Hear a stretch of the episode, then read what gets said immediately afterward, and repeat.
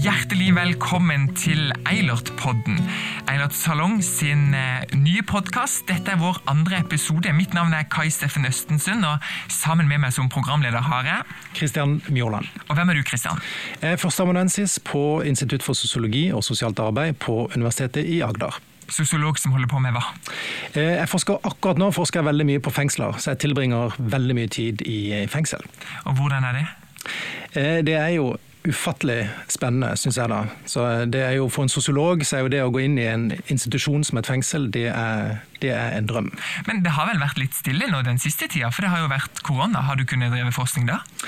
Akkurat nå er det veldig vanskelig å gjøre forskning i, i fengsel, både i Norge og andre steder. Det har jo vært helt stengt um, for besøkende, men, men, nå åpnes det i hvert fall opp for besøkende. Men jeg tror ikke forskere er først i rekka når fengslene begynner å åpne opp portene igjen. Nei, og heldigvis, tenker nå jeg.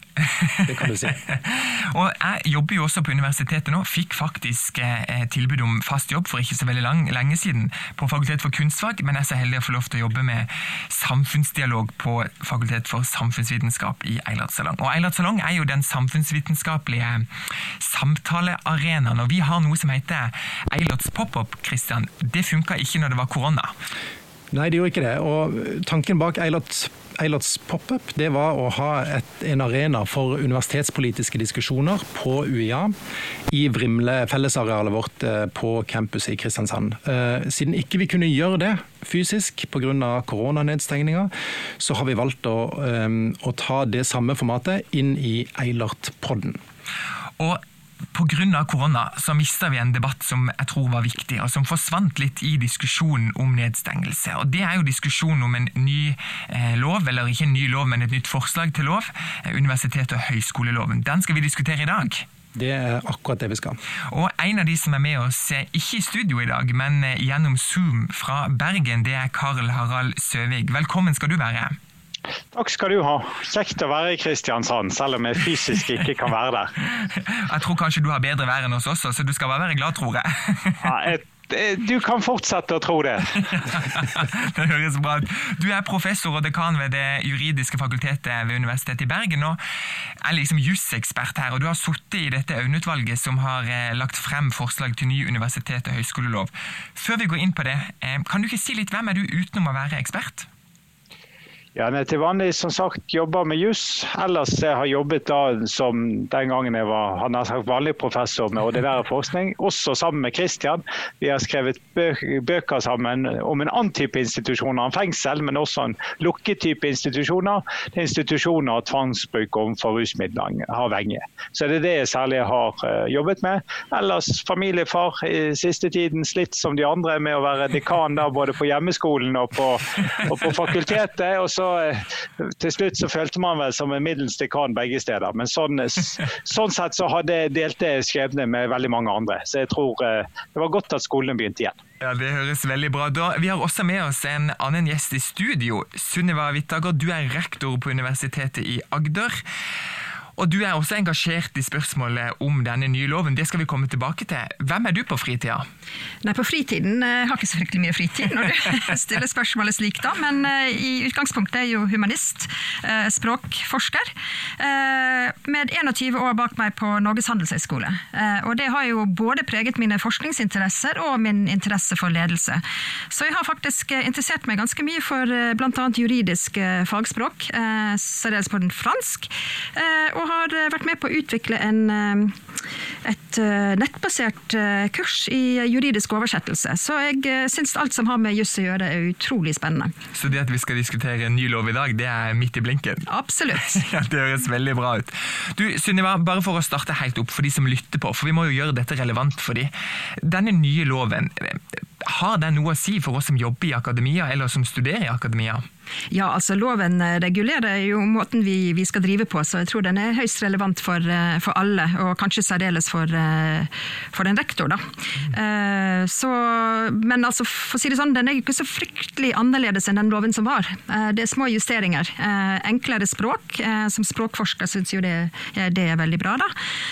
Og litt mer pedagogisk lagt opp. Men veldig mye bra i den. Og NOU hele NOU-en er jo veldig interessant å lese. da.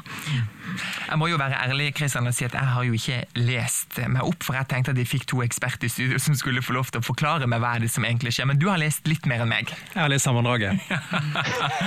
Eh, men, eh, men, eh, kan vi ikke høre med, med deg, Karl Harald. Hva, hva, er de aller viktigste grepene dere har gjort, og, og de viktigste forslagene dere kommer med i, i forslaget til ny lov for universiteter og høyskoler?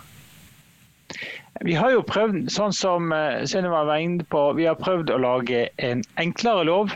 Vi har prøvd å lage en lov som regulerer litt mindre. Vi har prøvd å sikre, eh, lage en lov som sikrer at eh, institusjonene har den nødvendige frihet.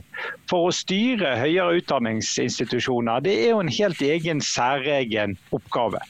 Eh, universiteter og høyskoler, de fleste av de som vi diskuterer er jo statlige, selv om det er viktig å huske på denne loven gjelder for alle også private høyskoler. Og den gjelder for institusjoner som er veldig forskjellige. Vi har Universitetet i Oslo, som er stort. Og vi har ganske små enheter som eh, Samisk høgskole f.eks.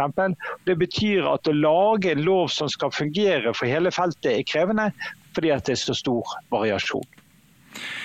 Og så, hvis jeg bare kan ta det som utgangspunkt, at Institusjonene er jo en del av staten, og samtidig ønsker de å være frie fra staten. Det er jo det som skaper en del av disse utfordringene. For vi har en del særlige fullmakter, men samtidig så ligger vi også under departementet. Vi har jo hatt denne diskusjonen om man skulle bli eh, foretak, og det sa jo sektoren ganske entydig nei til.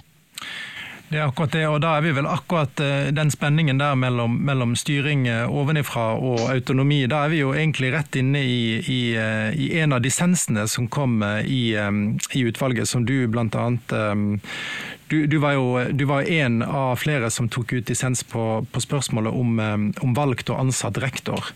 Kan du si litt om hva det var dere tok dissens på akkurat der? Det første som jeg vil si er at Utvalget var helt enstemmig på at man fremdeles skal kunne velge mellom valgt ansatt Nei, unnskyld, mellom valgt rektor og ansatt rektor. Det dissensen gikk på, var hvis man har en valgt rektor, hvordan skal modellen være? I dag så har man det man kaller en form for delt løsning. Hvis man har en valgt rektor, så er vedkommende styreleder, og samtidig har man en universitetsdirektør som har gitte fullmakter. Fordi at rektor som styreleder har mye makt, så er det nødvendig med en form for balanse, særlig knyttet til økonomi.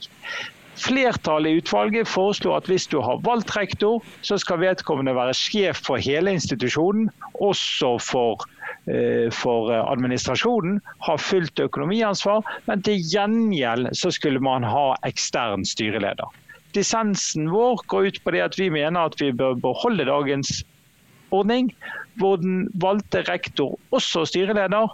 Og Tanken ut ifra det er det at det er viktig å ha en sterk rektor. og Det å være styreleder er betydningsfullt, ikke bare innad på institusjonen, men også når institusjonen skal gå i dialog, og delvis også ha sine uenigheter med departementet.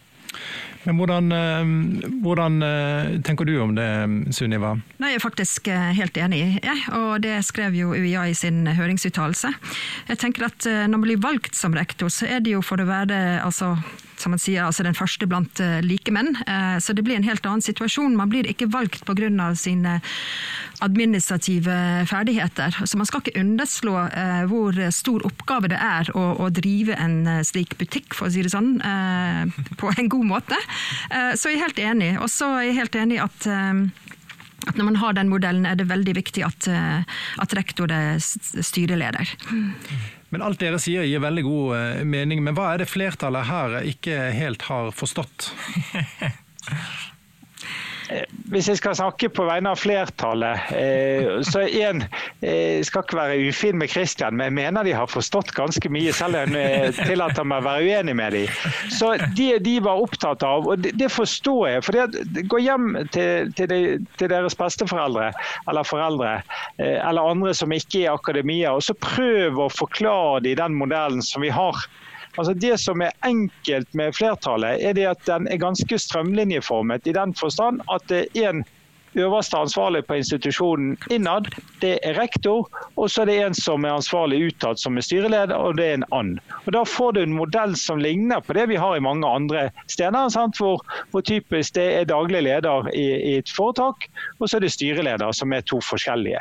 Så jeg ser liksom at du, du kan få en del fordeler fordi at du får en mer lik struktur på institusjonene, uavhengig av om rektor er valgt eller ansatt. Men jeg mener jo bestemt at det er en fordel å holde på det som vi foreslår. Fordi at en valgt rektor det er en annen type å styre på. Det skal liksom ikke bare være et spørsmål om rekruttering, om du velger eller ansatte rektor. Det har også betydning for hvilke oppgaver rektor har. Ja, jeg vil jo uh, helt enig med deg der. Uh, og Jeg tenker at uh, jeg ser jo også det argumentet som flertallet har med at det er litt sånn uryddig av og til, kanskje. At man vet ikke helt hvem er det som er ansvarlig for hva. hva er det som ligger inn under det administrative, hva er det som er faglig. og så er det jo slik at de fleste sakene vi, vi har, de er, har jo både en administrativ og en faglig side. men jeg tenker det går an å få dette til med en god dialog innad. Så, og det at man har vanskeligheter for å forklare det, det utad, jeg syns ikke det skal være det, styrende her.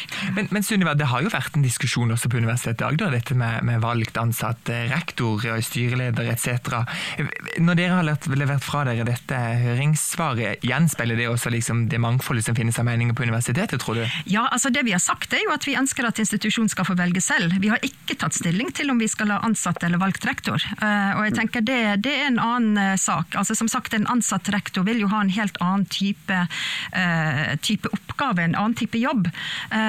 Det det jeg er litt problematisk med det. Eh, jeg har ikke helt eh, bestemt meg for hva jeg egentlig syns er best, da, men det er jo at man da må rekruttere folk som har en solid administrativ ballast bak seg, og det begrenser jo veldig hvem som kan bli rektor på et universitet.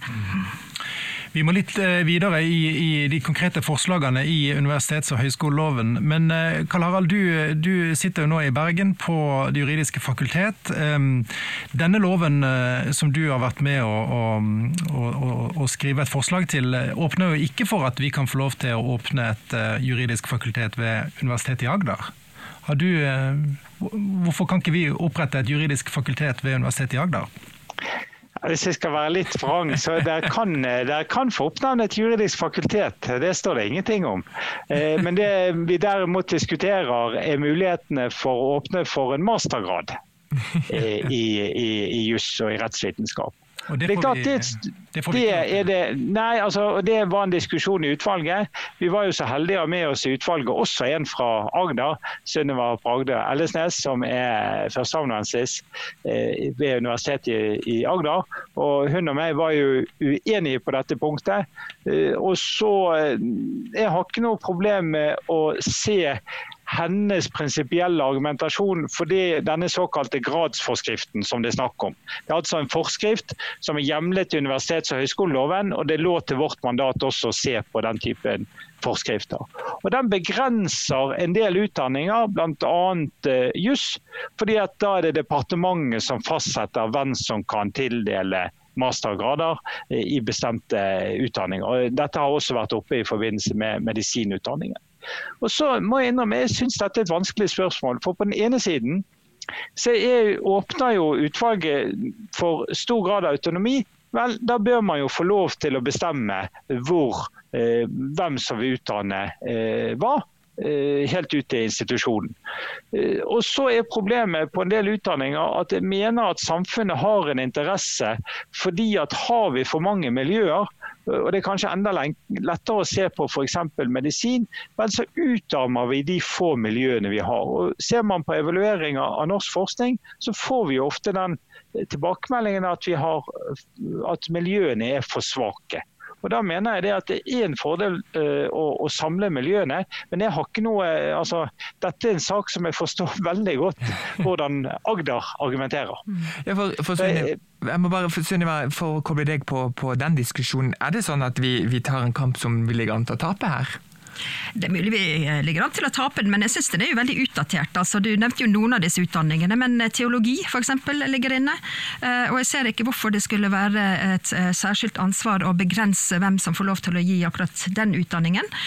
Og så er det jo no, er det spørsmålet ja, hvorfor ikke ingeniører, hvorfor ikke økonomer, hvorfor akkurat jurister, psykologer. Og det er jo ikke en institusjon med, med vett i behold som vil opp opprette en medisinsk utdanning uten å ha fått studieplasser fra, fra KD. Så jeg tenker at det er jo en måte å regulere ting på eh, i seg selv, ikke sant? ved å tildele studieplasser. Så det er jo ingen stor risiko. Uh, grunnen til at jeg syns det er viktig, det er uh, eksempelvis når det gjelder psykologistudiet. Det vi ser på sånne um, kandidatundersøkelser, det er at uh, studenter som har studert et sted, de blir gjerne i den regionen de har studert i, eller så drar de til Oslo. Og det vil jo da si at man vil få en, eh, en, eh, en manko eh, på en del yrkesgrupper enkelte steder i landet. Og bare for å ta det med psykologi, så er det jo nå bestemt at alle kommuner skal ha sin egen psykolog. Og da blir det vanskelig å rekruttere til de landsdelene som ikke har den type utdanning. Og så er det jo klart at man må jo kunne samarbeide på tvers av institusjoner. Det er jo et stort løft å, å starte opp en helt ny utdanning. Så samarbeid på tvers det er også noe, men hvem som akkurat skal gi graden. Jeg syns det, det, blir litt, eh, litt arkaisk, eh, syns jeg. Det som, det som i hvert fall er klart, det er jo at Sørlandet er best egnet til å ta teologiutdanninga, for her har vi, her har vi størst prestekapasitet. Men, Karl Allal, hva tenker du om det? Eh, teologiutdanningen tror jeg skal la ligge, men jeg skal gi, jeg skal gi helt eh, rett til Synnøve at det er, noen altså, det, altså, Hva som står i denne gradsforskriften, det tror jeg vi er enige om, det er litt historisk betinget. Eh, men at det på noen områder er riktig å ha en sentral fordeling av kapasiteten, det mener jeg. Det kan gjelde store fag, men det kan også gjelde små fag. Men så ser jo dilemmaet her. fordi at Veldig ofte så snakker man jo om, om, om autonomi, selvråderett for institusjonene, mens her er det jo en form for statlig regulering man står overfor. Det er et annet punkt i, i, forslaget til ny universitets- og høyskolelov som har vakt litt sånn eh, bekymring ute på institusjonene. og Det er dette forslaget om at det skal være eksterne to sensorer på, på alle eksamener, også på, på lavere grad. Eh, og Innvendinga der har vært at eh, det vil bli eh, utrolig kostbart, og det vil føre til en veldig veldig mye merarbeid, fordi at eh, alle vi som er interne sensorer, vi må også være da eksterne sensorer andre steder. Men kan du si noe om hvorfor det lander på akkurat det forslaget om å ha eh, to sensorer også på lavere grad? Ja, det kan jeg. Eh, dette var jo delvis en del av en større diskusjon, nemlig knyttet til kvaliteten i sensuren. Først av alt så tror jeg mange er enige om den utviklingen vi har sett ved de fleste høyere utdanningsinstitusjoner. Vi må først og fremst bruke ressurser på å lære studentene. Vi må ikke bruke mye, for mye ressurser på å kvalitetssikre dem. Samtidig så har jo samfunnet et krav på at de som går ut fra våre institusjoner holder et visst ferdighetsnivå, så vi kommer ikke utenom eh, prøving. Og så er det nok noen forskjeller mellom de ulike fagene. Jeg kommer fra juss, der hvor dette med prøving og karakterer har stått, eh, stått veldig sentralt. Og Så har jo utvalget da foreslått å, å, å, avskaffe det vi nå kjenner som blind klagesensur.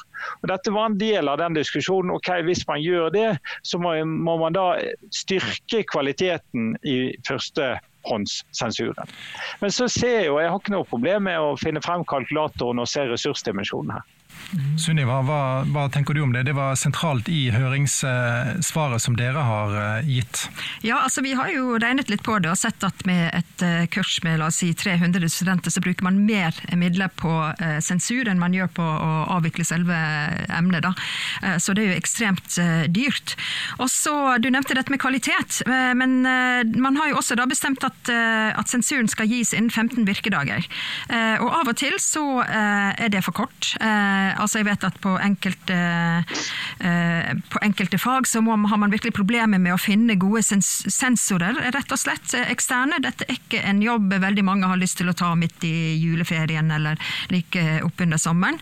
Eh, så, så, hvis det er kvalitetsdimensjon, så tror jeg ikke det med ekstern sensor løser alt. Eh, det å ha såpass kort frist på seg er også noe som spiller inn.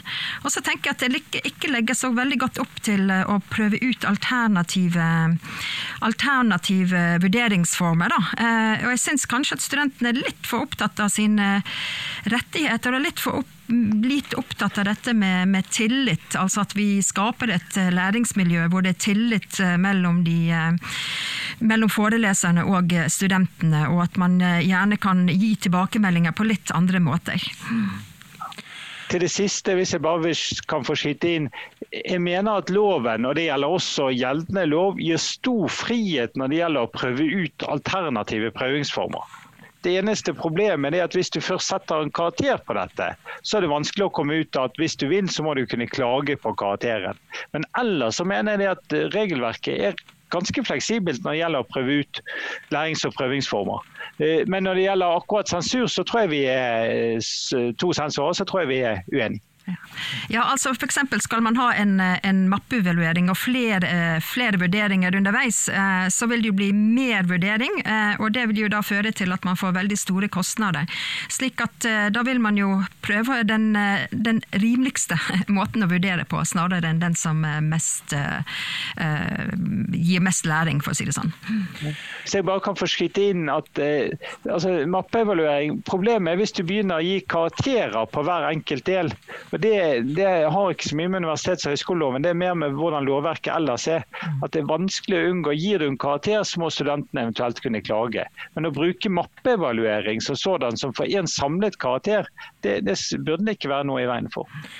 Det er jo flere ting som har skjedd på, på den utdanningspolitiske eh, arenaen eh, denne våren. her. Og det, En av de tingene som har skjedd nå nylig, det er at Arbeiderpartiet, Senterpartiet og Fremskrittspartiet har forhandla fram en kompetansereform som knytter økonomiske insentiver til hvorvidt studenter som eh, avlegger eksamen ved universitetene og høyskolene, kommer ut i relevant arbeid etterpå. Og eh, Dag Hessen, som også satt i, i um, utvalget og, og, sammen med deg, Karl Harald, han skrev i Morgenbladet i forrige uke at um, den type nyttetenkning som den nye kompetansereformen um, legger opp til, bryter liksom med hele formålet med den loven som dere har vært med å, å, å gi et forslag til, som nettopp skal verne om den akademiske friheten. Så det hadde vært fint hvis dere avslutningsvis nå kunne gi noen synspunkter på denne nye kompetansereformen. Ja, jeg kan jo begynne. Jeg syns det er veldig, uh, veldig, merkelig. Da. Vi ser at det er fryktelig vanskelig å finne indikatorer som uh, gir uh, noen form for mening. Det er helt klart at den nye oppgaven universitetene har fått med læring hele livet, krever en annen type finansieringsmodell. Vi har jo fått denne kandidatindikatoren som gjør at man vektlegger at studenter skal ta hele grader, og det passer ikke inn med de nye oppgavene vi har fått. Men samtidig, altså hvis man ser på formålet med universitet- og høyskoleloven, så, så, er det jo veldig stor vekt på dette med, med dialog, dannelse, personlig utvikling for den enkelte. Uh, utbre forståelse for, og for respekt for menneskeverdet, åndsfrihet, likeverd, demokrati, likestilling og rettsstatens prinsipper. Altså Det viser jo virkelig veldig godt at, uh, at det å ta en utdanning er mye mer enn å kvalifisere seg og gå rett inn i en jobb. Og det å komme rett inn i en jobb, det er ikke sikkert at det er det som er det viktigste i det lange løpet altså i en helt karriereløp. Eh, og så prøver man jo også å oppmuntre til entreprenørskap. Hvordan skal det passe inn her? Jeg syns det, det, var et utrolig dårlig forslag. For, hvordan vil denne kompetansereformen som er foreslått eh, kunne være med å uthule det nye lovverket, tenker du? Nei, altså jeg mener jo for eh, at, at, det er en feil vei å gå. Men først av alt, som jurist og som eh, dekan på et juridisk fakultet, dette er noe vi ville tjent på. Fordi at veldig mange av våre kandidater de går rett ut i jobb. Men når det er sagt, så må man jo tenke utover sitt eget fakultet. Og Da kan jeg langt på vei tiltre det Synnøve sier. Dette er noe som kan virke forlokkende. og man må jo forstå hvorfor det kommer opp, det er jo fordi at man tenker at, at eh, vi, vi, kan ikke ha høyere utdanningsinstitusjoner som ikke fungerer eh, i en form for symbiose med arbeidslivet. Det tror jeg alle er enige om. Men spørsmålet er om man skal bruke dette som en indikator, og som institusjonene får penger etter. For En ting som er sikkert med disse indikatorene, er at de virker. Eh, fordi at man flytter. Eh, og Da kan man få en sånn kostbar eh, bieffekt, fordi at man bruker ressurser på det som akkurat nå er populært. Eh, for ti år siden så ville oljenæringen da fått veldig god uttelling på dette. her, og Det er ikke gitt at det ville vært bra på, på lang sikt. Så jeg tror Problemet er denne at det fort blir en kortsiktig tenkning som ikke er, er, bra for uh, sektoren, selv om jeg forstår hvorfor man er opptatt av, uh, av uh, tematikken. Mm. Ja, UiA hadde kanskje også tjent på det, fordi vi har så mange profesjonsutdanninger i forhold til en del av de store organisasjonene. Men samtidig så ser man jo fra kandidatundersøkelser at de fleste får seg jo jobb.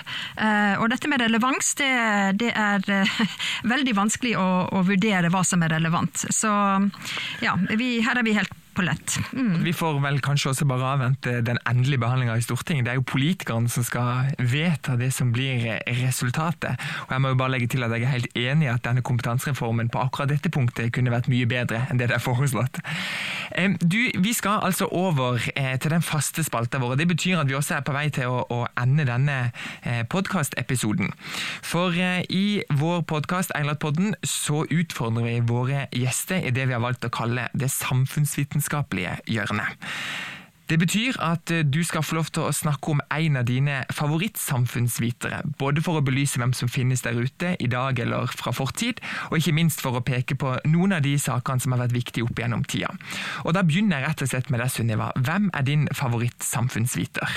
Ja, det er kanskje litt uh, kjedelig, men uh, jeg er jo uh, fransk ekspert, da, så jeg lander på Pierre Bourdieu, som jeg syns er en utrolig spennende sosiolog, som har virkelig endret synet på, på mye, holdt jeg på å si, med, med, symbolsk kapital. Altså hvor mye man egentlig får med seg opp gjennom oppvekst og gjennom den klassen man tilhører, som gjør det veldig vanskelig for andre å, å tre inn. da. Og denne gode, gode skillet da, mellom økonomisk kapital og symbolsk kapital. Så ja, veldig, veldig spennende. Veldig snirklete skrevet, men, men jeg syns med min uh, interesse og jeg har bodd i Frankrike i mange år, da, så syns jeg det er veldig, veldig, betimelig det han beskriver. Og også dette med hvordan altså, ens smak er veldig preget av hvilke, hvilke klasse eller hvilke gruppe man tilhører. Da. Ja, for du fortalte jo innledningsvis før vi starta podkasten at du har drevet oversatt. Ja. Hvor lang tid bruker du på det, eller brukte du på det? Altså, jeg ble bedt om å oversette en, en artikkel. da. Jeg må bare si at den, den første setningen brukte jeg tre uker på. ja, det er godt. Fortere til vest. ok, Karl Harald. Hvem er din favorittsamfunnsviter, selv om du er eh, jurist og jusekspert? Ja da, så er det jo alltid stor diskusjon om, om jussen hører til samfunnsvitenskapen. Det, vi skal ikke ta den her. Men jeg synes det, det, var utfordrende, for hva skal du velge? Skal du velge nasjonalt, internasjonalt? Skal du velge en som er i tiden nå, eller skal du velge en fra gammelt av? Eh, til slutt så kokte det vel ned mellom eh, valget mellom Stein Rokkan og, eh, og Torstein Eckhoff. og Da falt jeg ned på sistnevnte. Torstein Eckhoff er jurist. Hadde veldig stor betydning for hvordan jurister tenkte, for han skrev en bok om rettskildelære som fikk stor betydning. Men han var også flink til å få frem denne koblingen som er nettopp mellom juss, som er en egen disiplin, og samtidig tett koblet på samfunnsvitenskapen. Og han hadde en veldig jordnær tilnærming som jeg har stor sans for. Og kanskje vi klarte Kristian, å få det den jordnære tilkoblinga til den debatten vi har hatt nå om eh, ny universitet- og høyskolelov. Det betyr at vi er ved veis ende. Vår faste spalte er talt, og vår andre episode er spilt inn av eh, Eilert-podden. Hvordan har det vært, Kristian? Jeg synes det har vært kjempefint, og det er i hovedsak fordi vi har hatt fantastiske gjester i studio. Sunniva Wittaker og Carl Harald Søvik, tusen hjertelig takk for at eh, dere var med. Og tusen takk til du som har hørt på. Du kan finne oss på Facebook hvis du ønsker det, under navnet Eilert Salong. Der kan du få med deg hva som skjer, både nå og fremover i tid. Mitt navn er Kai Steffen Østensen. Og mitt navn er Kristian Mjåland, og dette var Eilert Podden.